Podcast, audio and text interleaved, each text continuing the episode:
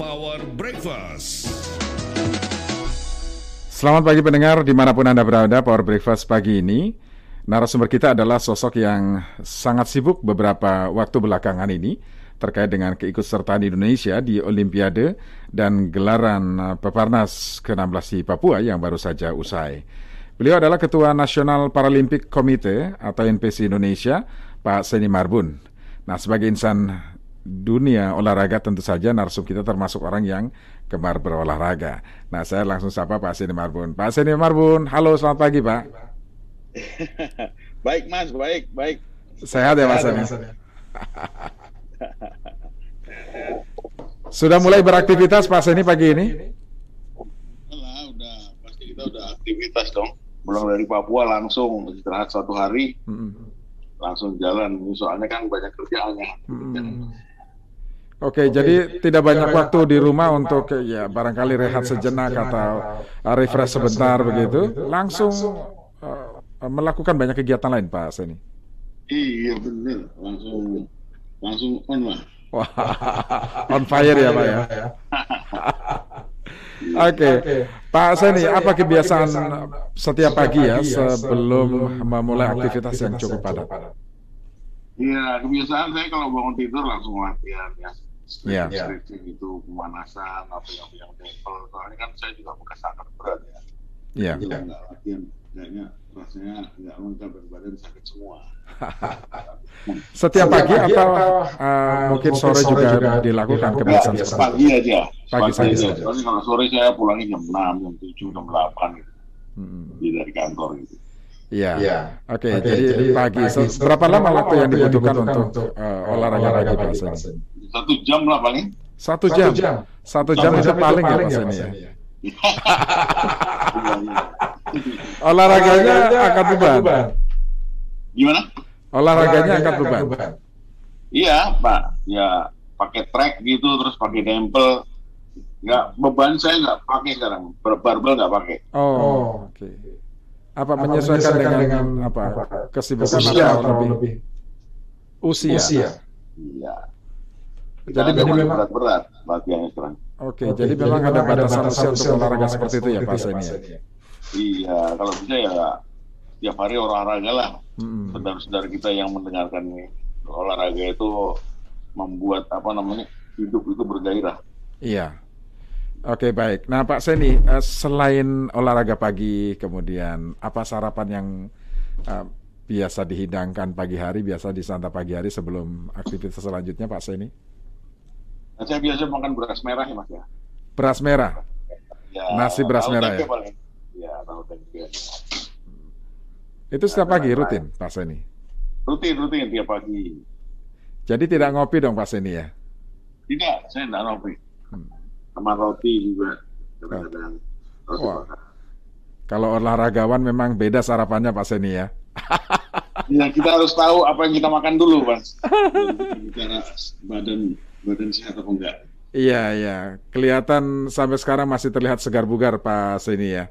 Terima kasih, terima kasih. Ya. Nah, waktu mengatur waktu dengan keluarganya bagaimana Pak Seni di tengah rutinitas yang begitu padat Pak Seni? Enggak, keluarga saya sebenarnya sudah anak saya udah besar-besar semua, hmm. jadi istri saya juga ada kesibukan sendiri ya sudah. Hmm. Kita nanti jam-jam delapan jam sembilan sudah hilang sendiri-sendiri. Iya. Rumah iya. kosong, ya tinggal yang nunggu aja rumah. jadi aktivitasnya tidak terganggu ya Pak Seni ya, karena lebih fokus akhirnya Pak Seni ya. Iya, kita harus fokus masih hidup ini kalau nggak fokus bahaya. Iya. Nah, Pak Seni uh, beberapa waktu lalu kan Peparnas sudah sudah selesai ya. Nah, apa Baik. nih uh, yang bisa disampaikan kepada publik gelaran Pepenas kemarin ke-16 di Papua Pak Seni?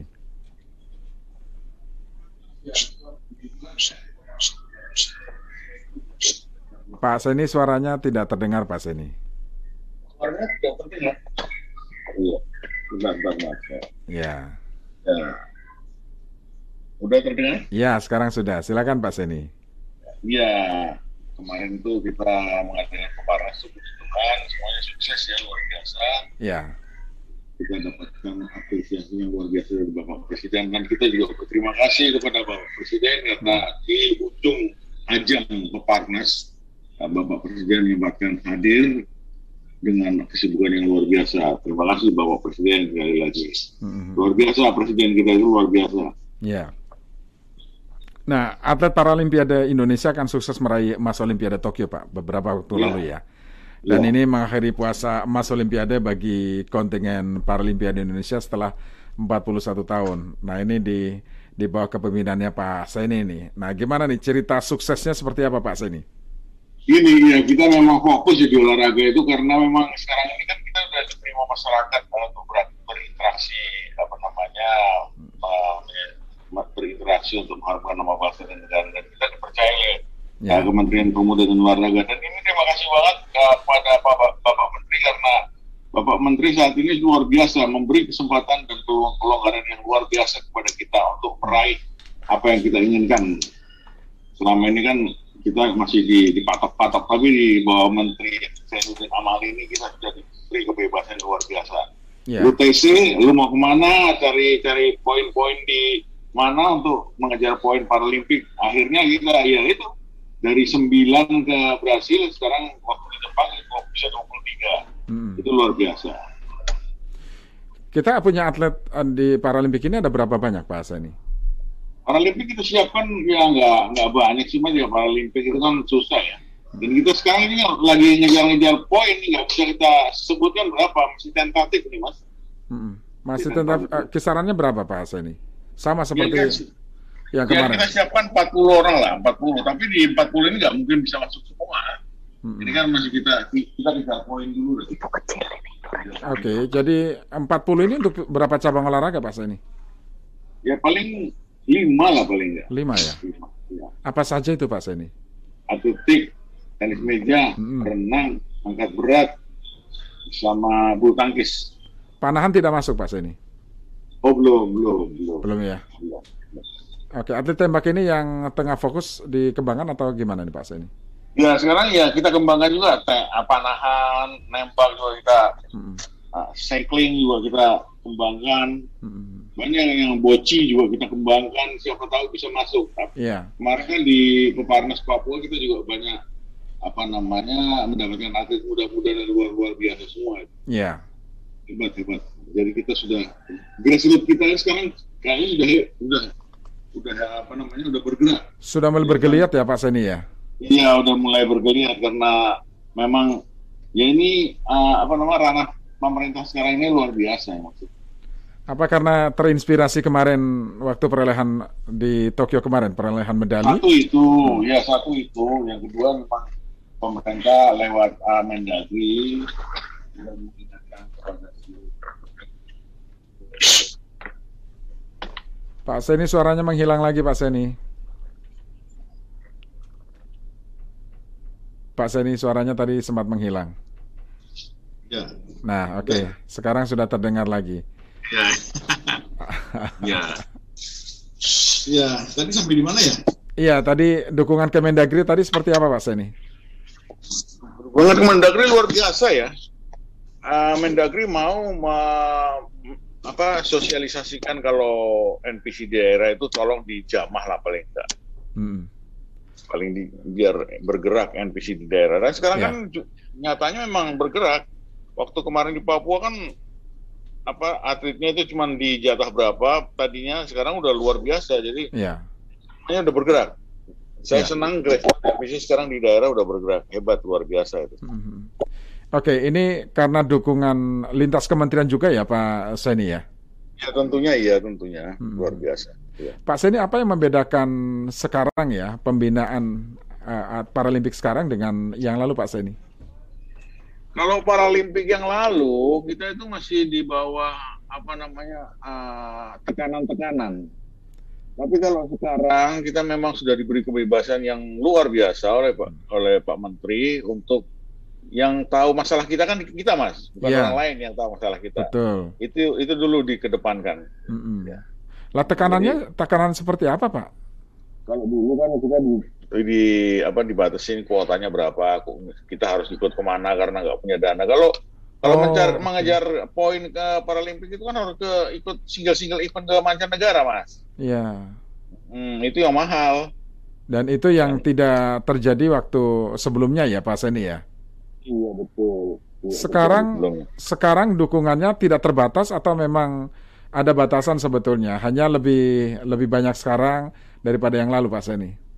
Nah, sekarang ini udah luar biasa mas, apalagi uh, perpres yang kemarin tuh udah ditandatangani presiden ya, Hmm. kesamaan hak dan lain-lain tuh udah sekarang ini udah terbuka banget, tinggal kita bagaimana apa merange kita mau ke mana. Mm-mm. Nah, Paralimpik sekarang apakah sudah banyak menciptakan rekor baru Pak di ajang olahraga di cabang olahraga tertentu?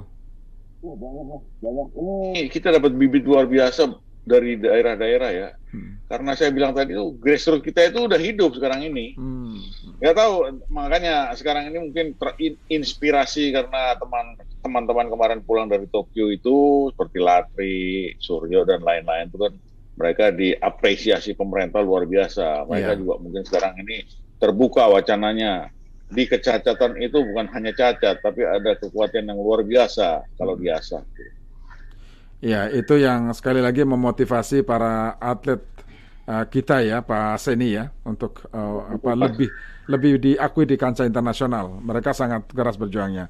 Nah, Pak Seni, uh, apa saja yang rekor yang berhasil di- dipecahkan dalam Paralimpik kemarin, Pak?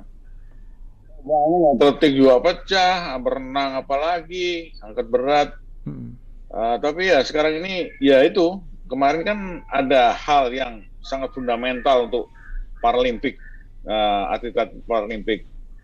Bapak Jokowi waktu kita di istana Iya. uh, menya- menyatakan kalau kita akan dibangunkan uh, training camp 5 hektar. Itu kalau bang itu kalau terbangun saya Oh, rasa kita nggak usah Dahsyat sekali ya, Pak. susah- iya dahsyat dan kita nggak usah susah-susah lagi Nyari-nyari lagi.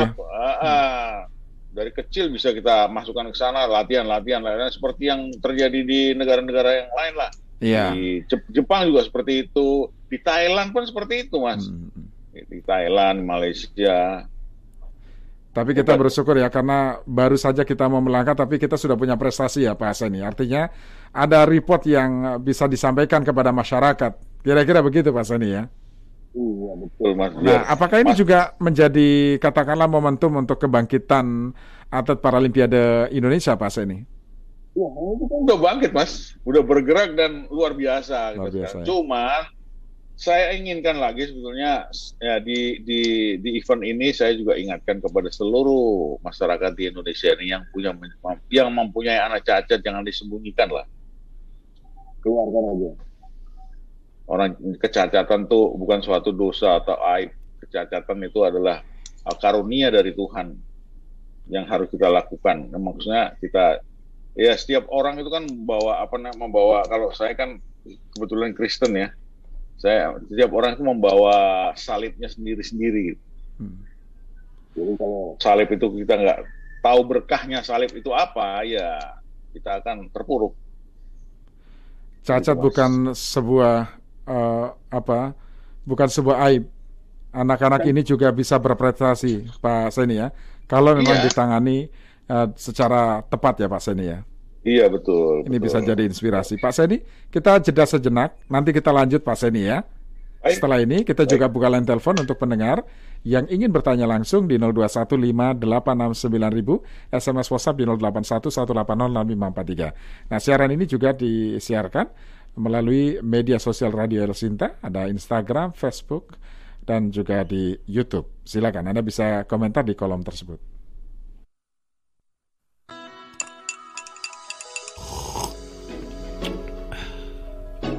Power Breakfast.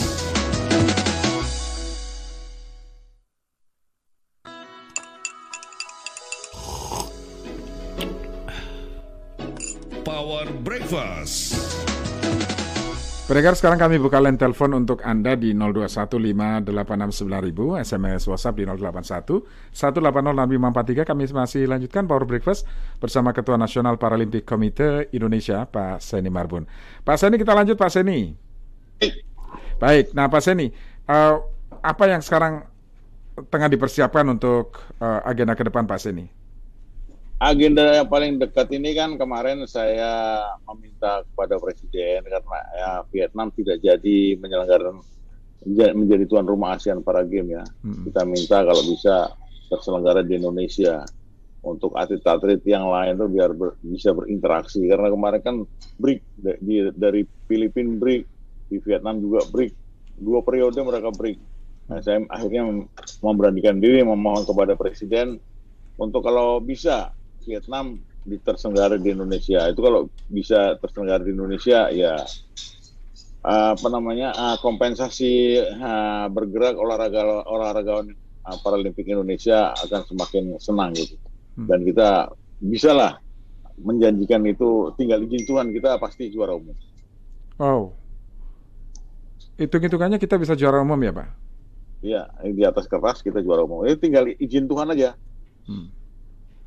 Izin Tuhan dan izin Presiden begitu ya? Ah iya, kalau, tapi tapi kalau presiden udah ACC kok. Presiden sudah ACC. Udah ACC. Oke, okay, tinggal Sekarang, tinggal lobby-lobby saja ya Pak ya memastikan agar uh, uh, apa ajangnya bisa digelar di Indonesia karena Vietnam tengah di amuk Covid ya Pak Seni ya. Iya betul, ya. Dan ini satu lagi apa uh, bukan cuma itu uh, di kita Indonesia kan sekarang kena ban ya di Lada itu ya. Itu juga jadi kendala. Tapi kemarin saya udah ketemu sama apa namanya direktur ladinya beliau berjanji tahun depan pasti selesai kalau itu selesai saya rasa nggak ada kendala lagi hmm. harusnya itu. memang tahun depan atau sebetulnya uh, ini sudah agak mundur pak karena pandemi Iya, ini mundur karena pandemi itu tadi mundur semuanya. Hmm. Oke, nah Pak Seni ada beberapa uh, tadi ada harapan baru ya ketika eh, atlet-atlet uh, uh, disabilitas ini sudah sudah mulai bergeliat di daerah-daerah. Ini kan persoalan pembinaan. Ini kan penting Pak di daerah-daerah Pak. Nah ini bagaimana dilakukan Pak Seni? Ya di daerah kemarin uh, sosialisasinya lumayan ya. Kemarin Peparnas itu semua tersosialisasi ke daerah-daerah yang terpencil juga dan atlet daerah yang biasanya nggak datang kemarin juga udah hadir semua. Hmm. Oleh karena itu ya kita akan apa namanya akan turun lah ke daerah-daerah sampai di mana sih fasilitas pemerintah daerah memberikan fasilitas kepada teman-teman uh, NPC di daerah. Hmm. Itu yang yang paling penting memang memang kita harus apa uh, lakukan itu rutin, Mas. Iya. Nah, Pak Seni harapan Anda tadi terkait dengan uh, masyarakat yang memiliki anak uh, disabilitas misalnya tidak perlu uh, tidak perlu malu, mereka harus di apa ditunjukkan atau di apa dibina ya, untuk pembinaan atlet ya Pak Seni. Apakah ya. ini yang selama ini juga menjadi kendala dalam mencari bibit-bibit uh, muda atlet di uh, beberapa cabang olahraganya, Pak Seni? Iya, banyak seperti itu, Mas. Jadi uh, saya juga heran kenapa bangsa Indonesia seperti itu ya. Hmm. Harusnya kan kita itu bangga dengan keberadaan pemerintah kita saat ini dan yang kemarin-kemarin juga udah udah mulai terbuka sih. Hmm. wacana untuk mengangkat harkat martabat masyarakat difabel itu ke atas udah mulai terangkat banyak teman-teman atlet yang sekarang jadi PNS, banyak yang dapat apa namanya reward dari pemerintah dan penghargaan penghargaan penghargaan dari pemerintah daerah juga sudah banyak diterima oleh teman-teman selama mereka masih berprestasi gitu. Hmm. Nah stigma ini kan yang masih menjadi kendala ya Pak, karena tidak semua uh, masyarakat dengan kondisi itu bisa menerima keadaan tersebut Pak Saini. Iya, makanya saya menghimbau juga kepada seluruh masyarakat yang mempunyai anak difabel, jangan disembunyikan, keluarkan aja. Siapa tahu kelak nanti suatu saat bisa mengibarkan bendera merah putih, apa namanya bisa apa berbakti kepada nusa dan bangsa. Yang paling penting kan itu, karena kebetulan walaupun kita cacat, kita itu lahir di Indonesia, itu tidak bisa di apa dipungkiri hmm. dan kita punya KTP Indonesia oleh karena itu ya mari kita sama-sama berbakti untuk Indonesia yang kita cinta ini hmm. dengan segala kemampuan kita. Iya, apalagi ketika pemerintah sudah membuka diri, sudah siap mensupport uh, all out ya Pak Seni. Iya, betul. Pemerintah sekarang tuh luar biasa ya. Kalau bukan presidennya, bukan Pak Jokowi, kayaknya nggak seperti ini deh. Karena hanya Jokowi yang berani mengangkat harkat martabat masyarakat difabel sama dengan non difabel. Hmm. Itu itu harus diakuin itu. Hmm. Nah rencana untuk uh, pusat pelatihan di mana Pak rencananya Pak? Di Surakarta. Di Surakarta ya. Ini yang uh, 5 hektar direncanakan ya Pak Seni ya? Iya Mas, betul. Oke. Kapan akan mulai dibangun Pak Seni? Uh, yang saya dengar sih kabar dari pemerintah tahun depan sudah mulai dikerjakan. Tahun depan sudah mulai dikerjakan. Target berapa tahun Pak Seni? Dua tahun lah. Dua tahun berarti 2024 sudah bisa digunakan ya Pak Seni ya? Nah itu udah hmm. pas Olimpiade itu. Pas Olimpiade. Oh, nah ini menarik nih Pak Seni.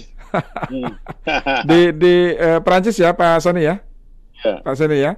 Nah itu uh, jadi sekarang sudah mulai persiapannya juga dong Pak Seni? Oh iya, kita sekarang udah TCO mas, diperintahkan uh, Pak Zainuddin Amali, oh. Menteri. Itu makanya luar biasanya Pak Zainuddin itu seperti itu, dia mengerti olahraga. Jadi olahraga itu kalau break sebentar aja akan rentan gitu. Jadi akan apa namanya uh, kembali ke nol lagi kemampuan atletnya. Gitu. Hmm, jadi kalau break dia untuk recovery-nya butuh waktu yang lama ya Pak Seni? Butuh lama, iya butuh waktu yang lama hmm. dan gampang cedera Oh, oke. Okay. Jadi selama tidak ada event olahraga, apa yang dilakukan para atlet ini, Pak Seni? Nah, sekarang mereka sedang masih waktu dari kemarin pulang dari mana itu dari Papua. Kirian, hmm. Papua. Mereka sekarang sedang pulang ke kampung masing-masing. Tapi sudah banyak yang masuk juga. Hmm.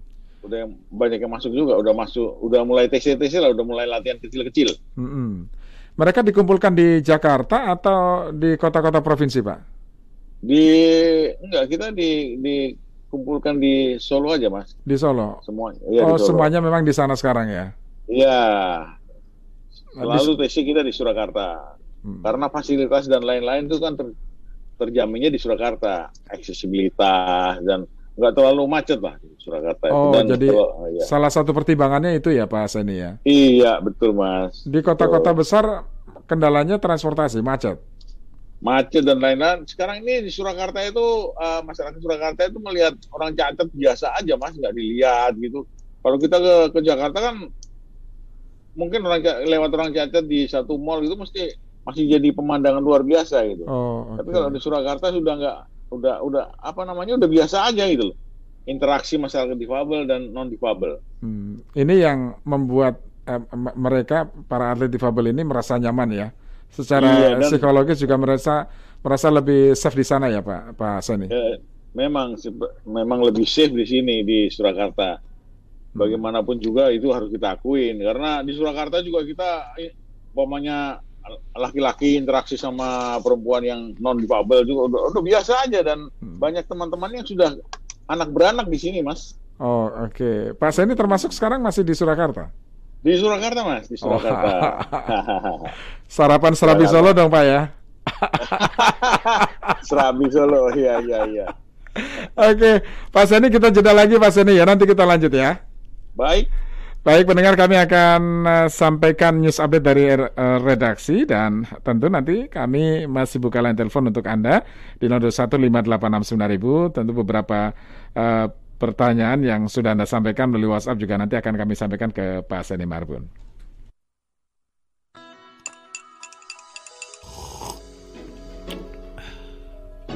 Power Breakfast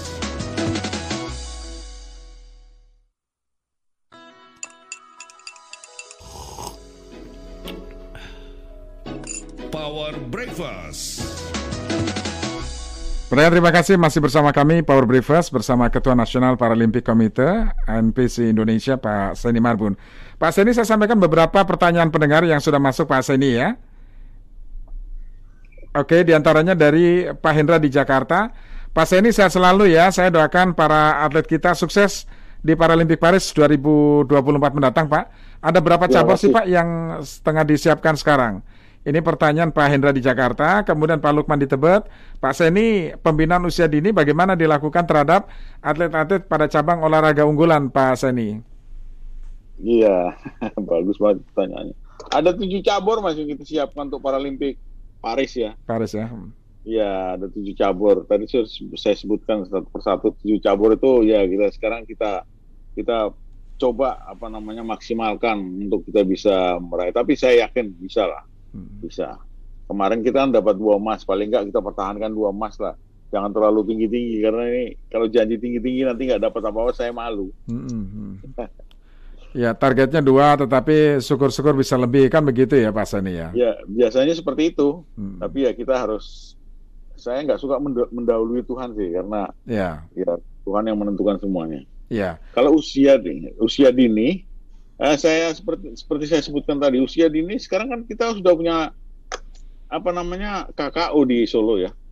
Jadi ya. KKO ini apa Pak Sani?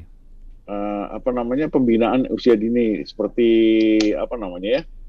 Aduh, yang oh, pusat pusat pelatihan untuk uh, usia dini ya? Ah, pusat pelatihan untuk usia dini. Itu di Surakarta sudah ada. Kemarin saya minta sama presiden juga langsung di ACC ya. Uh, hmm. KKU ini ada di seluruh provinsi, saya rasa lebih bagus lagi. Tapi yang paling penting itu nanti kita berdiri dulu tuh buat apa namanya training center buat kita itu. Hmm. Itu baru semuanya bisa. Wah gampang banget lah. Iya. Saya lihat tapi Pak Seni kalau semuanya dipusatkan di Surakarta misalnya, bagaimana dengan yang di eh, daerah-daerah uh, lain Pak Seni? Itu makanya uh, kalau umpamanya pembinaan daerah lain tuh udah didahulukan di daerah, kita tinggal ngambil aja kan kan tinggal kita lihat aja postur tubuhnya pasnya buat apa, terus limitnya berapa, usianya berapa, kemauan berolahraganya seperti apa, mentalnya seperti apa, kita angkat. Langsung kita bawa ke Solo untuk kita asah menjadi manusia-manusia hebat. Mm-hmm.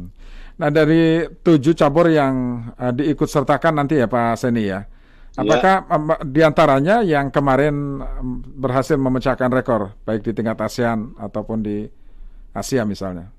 Iya, tapi pemecahan rekor tuh belum tentu harus langsung kita angkat ke Solo, Mas ya. Karena uh, dapat emas pun ada yang dapat emas di mana tuh di Papua kemarin tuh belum tentu kita langsung kita panggil. Apa pertimbangannya, Pak? Iya, kita lihat dulu. Kita lihat dulu kemampuannya, terus usianya, terus limit limit waktunya berapa. Udah itu ya baru kita pertimbangkan. Kalau perlu kita adu sama yang sekarang ada yang di pelatnas. Oh, biar, biar limit biar waktu maksudnya dari usia ya, sisi usia ya Pak Seni? Iya, Hmm. Umpamanya lari, umpamanya usianya 15, sekarang limitnya berapa? Hmm. Itu kan ada toleransi-toleransi, Mas. Ada perhitungan dinamikanya. Ya, dihitung dihitung uh, sampai nanti pada pra, apa, pelaksanaan Paralimpik nanti ya, 2024 usia atlet ini berapa tahun? Kira-kira begitu ya, Mas ini? Ah iya, makanya pembinaan panjang itu harus kita hitung juga. Butuh waktu berapa lama sih Pak Seni uh, untuk pembinaan atlet yang disiapkan untuk event eh, event-event internasional ini? Wah lama mas. Kita harus mencetak hati itu kan bukan seperti membalik telapak tangan ya. Hmm. Mencetak hati itu uh, butuh kesabaran, ketelatenan dan kita memang ya atlet juga kadang-kadang bosan untuk latihan terus tanpa ada apa namanya tanpa ada tryout tryout itu yang membantu atlet biar nggak bosan ya tryout tryout itu mas mm-hmm. dan sekalian mengumpulkan apa namanya poin untuk Paralimpik selanjutnya gitu. Yeah poin seperti apa nih Pak Seni? Ya kita masuk ke Paralimpik itu kan nggak segampang terus kita mendaftarkan diri bisa masuk gitu nggak. Hmm. Jadi kita uh, di ada poin-poin tertentu yang harus dihitung agar kita bisa diterima masuk ke Paralimpik. Nah ini termasuk uh, berlaku juga untuk pemula ya di di usia dini ya Pak Seni atau berbeda? Iya ya sama aja eh, nanti semuanya yang yang ada prestasinya bagus akan kita berangkatkan ke apa namanya ke single single event mm-hmm. semuanya akan kita berangkatkan sesuai dengan apa schedule single event ada di mana umpamanya atletik ada atletik ada di mana angkat berat ada di mana terus angkat apa bulu tangkis ada di mana tes media ada di mana kita berangkatkan semua mas mm-hmm. Ya, pertanyaan dari Pak Rusdianto, dari tujuh cabang olahraga, apakah ini eh, cabang olahraga unggulan semua Pak Saya ini? Ya, ini unggulan semua. Kalau nggak unggulan kita nggak mungkin berani masuk. Hmm. Unggulan semua. Kemarin kan ya walaupun atletik itu uh, di Indonesia masih kabur ya prestasinya, tapi di NPC kita bisa dapat perunggu gitu loh. Hmm. Atletik loh, atletik. Atletik ya. Masih uh, atletik itu kan banyak yang bilang kalau kita itu kalah postur dan lain-lain ya. Hmm. Tapi nyatanya kita bisa gitu loh mendapat perunggu walaupun hanya perunggu. Hmm.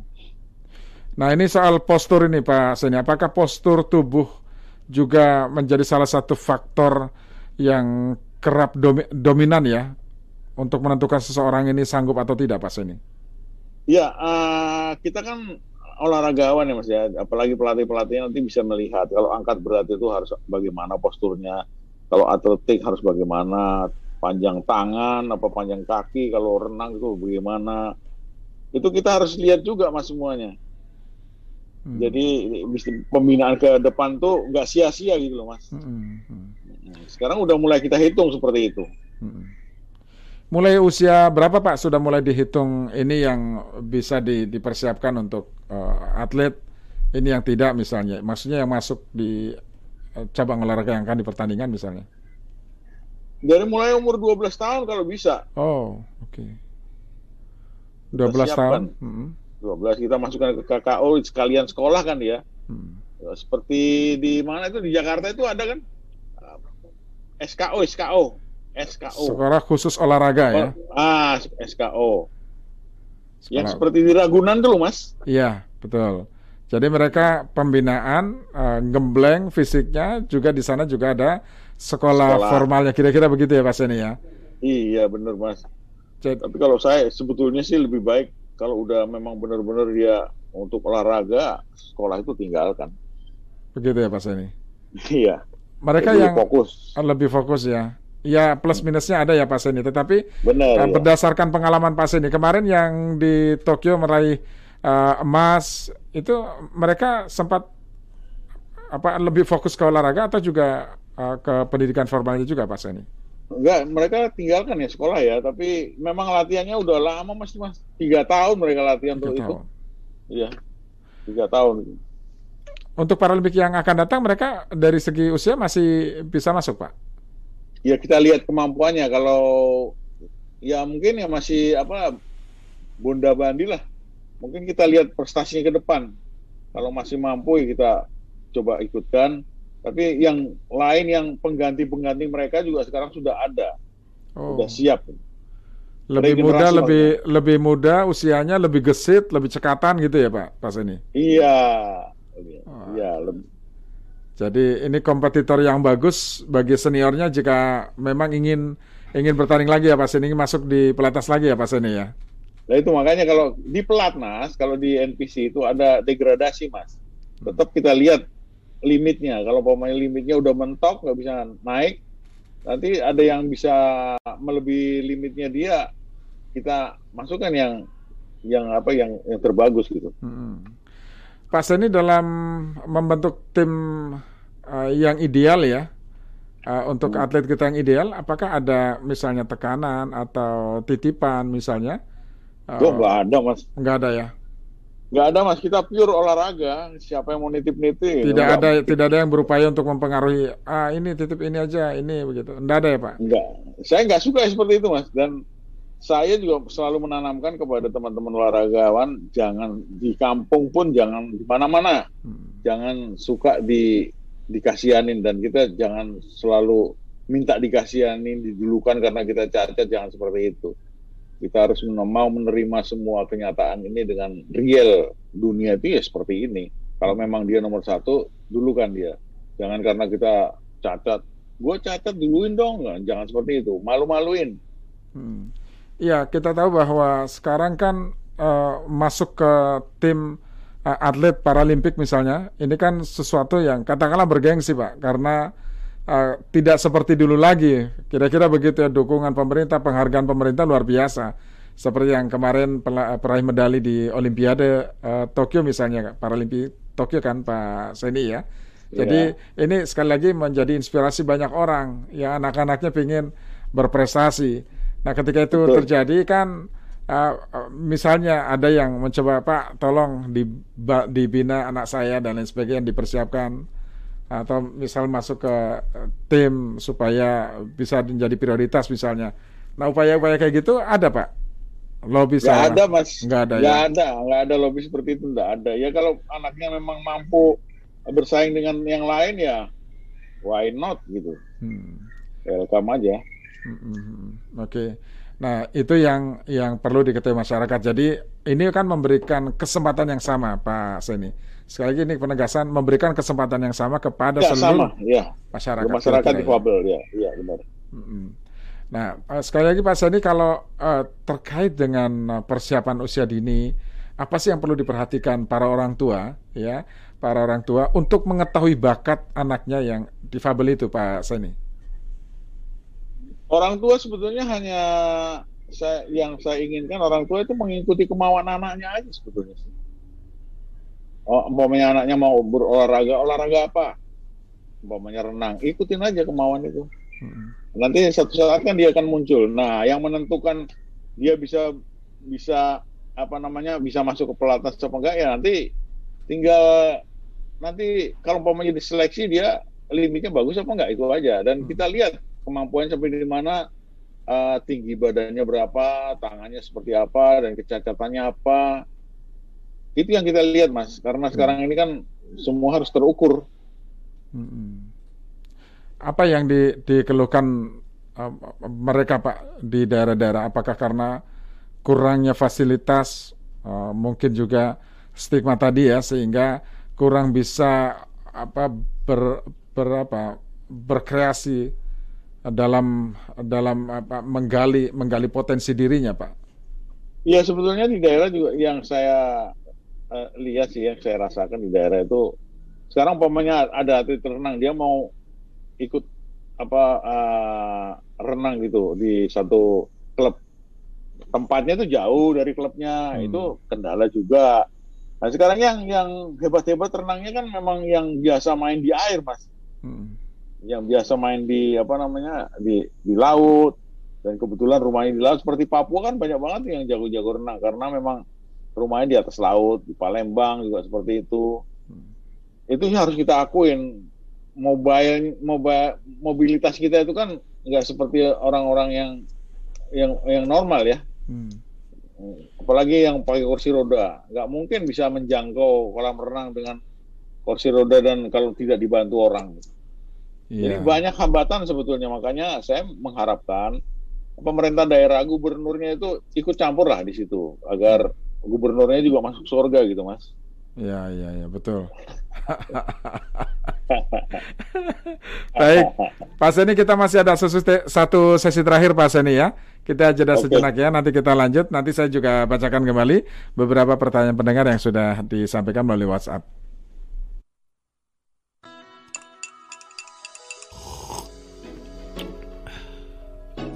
Power Breakfast.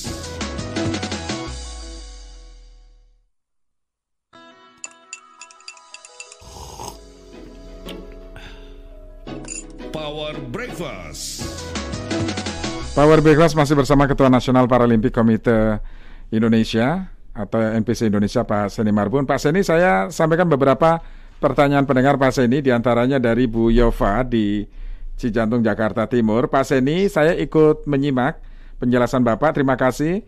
Ini angin segar dan harapan bagi anak-anak Indonesia difabel yang ingin berprestasi. Saran Pak, agar Bapak bisa mendorong seluruh kepala daerah untuk menyediakan infrastruktur olahraga bagi anak-anak difabel ini agar bisa berprestasi. Kemudian Pak Setio di Semarang, sukses terus Pak Seni, semoga ke depan makin banyak cabur yang bisa diikutsertakan dalam event internasional. Pak Seni silakan. Iya, buat Ibu, tadi Ibu siapa ya? Mas? Ibu Yova di Cijantung. Ibu Yova, Yova itu bagus banget ini. Anu uh, sarannya infrastruktur ya. Ya makanya saya sebutkan tadi, saya kita sangat mengharapkan semua gubernur di Indonesia ini kan hanya gubernur yang bisa uh, berkata A, B, C, D di daerahnya masing-masing kan, hmm. karena dia mempunyai kuasa yang di daerahnya masing-masing. Oleh karena itu, saya sangat mengharapkan ke seluruh gubernur di Indonesia ini menjama tangan NPC daerah lah, biar uh, NPC daerah pun bergeliat hidup dan semua masyarakat difabel bisa ter apa nah, terakumulasi di sana untuk meraih prestasi yang luar biasa dan bisa kita gunakan untuk mengharumkan nama bangsa dan negara. Untuk menjadi pahlawan kan bukan harus berperang, Mas.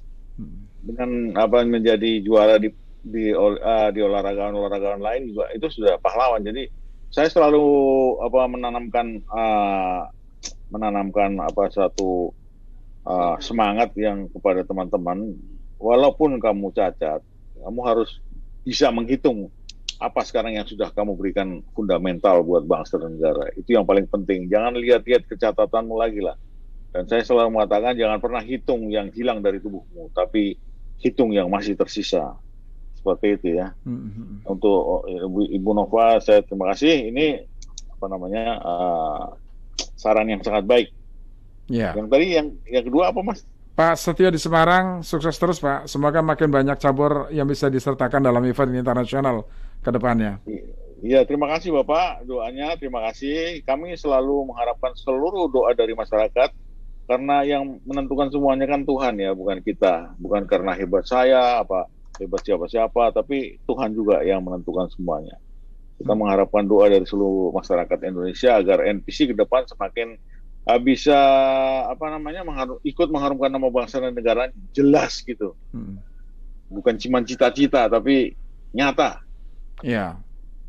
Oke, Pak mungkin banyak yang belum tahu juga apa sih NPC itu dan mengapa uh, Pak Seni bisa terpilih menjadi ketuanya. saya juga nggak tahu kenapa saya terpilih jadi ketuanya. NPC itu National Paralympic Committee. NPC itu eh, singkatan dari National Paralympic Committee. Kalau orang normal kan IOC ya. IOC, IOC, IOC. Kalau orang hmm. ya teman kita yang non difabel. Kalau kita IPC. NPC. National Paralympic Committee. Mungkin kalau soal terpilihnya saya juga nggak ngerti karena mungkin karena saya kebetulan uh, apa namanya uh, saya juga olahragawan sih mas ya dulu saya juga olahragawan ya. waktu terakhir saya berangkat ke Korea saya peringkat tujuh ya hmm. cakram hmm. jadi mungkin karena itu juga teman-teman apa namanya percaya sama saya dan nyatanya sekarang ini apa NPC luar biasa ya karena ya memang Tuhan juga sih yang menentukan itu semua hmm. bukan saya hebat bukan saya jago dan bukan saya macam-macam saya itu nggak ada apa-apa kalau nggak ada apa namanya uh, izin Tuhan nggak mungkin tercapai semua ini mas. Hmm. Seluruh daerah sudah ada pak uh, cawang NPC-nya? Sudah sudah ada semua sudah ada hmm. sudah ada. Jadi seluruh Dan, pro, provinsi hanya di ibu kota provinsi atau di kabupaten kota juga ada pak? Ada semuanya seperti di Surakarta ini kan ada sekitar kabupaten di kabupaten kota itu ada sekitar 20 35. Oh, banyak kabupaten sekali ya. kota. Banyak memang makanya di di 35 provinsi itu kan pasti banyak orang cacatnya itu mas hmm. dan banyak cacat, orang cacatnya yang juga masih belum mengerti kecacatannya itu digunakan untuk apa belum mengerti seperti itu yeah. makanya selalu kita sosialisasi aktif ke daerah-daerah yeah.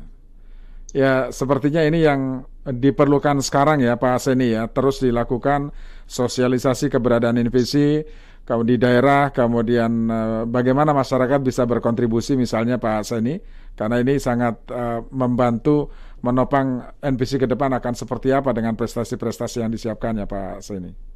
Iya, kita selalu visit ya ke daerah Mas ya, dan kita rajin visit ke daerah. Hmm. Dan kita juga kadang-kadang kalau ke daerah itu ingin ketemu sama anggota dewan, kadang-kadang kita ingin ketemu sama sekdanya dulu deh, nggak usah gubernurnya. Tapi kadang-kadang kita Eh, nggak uh, ada kesempatan untuk itu mas.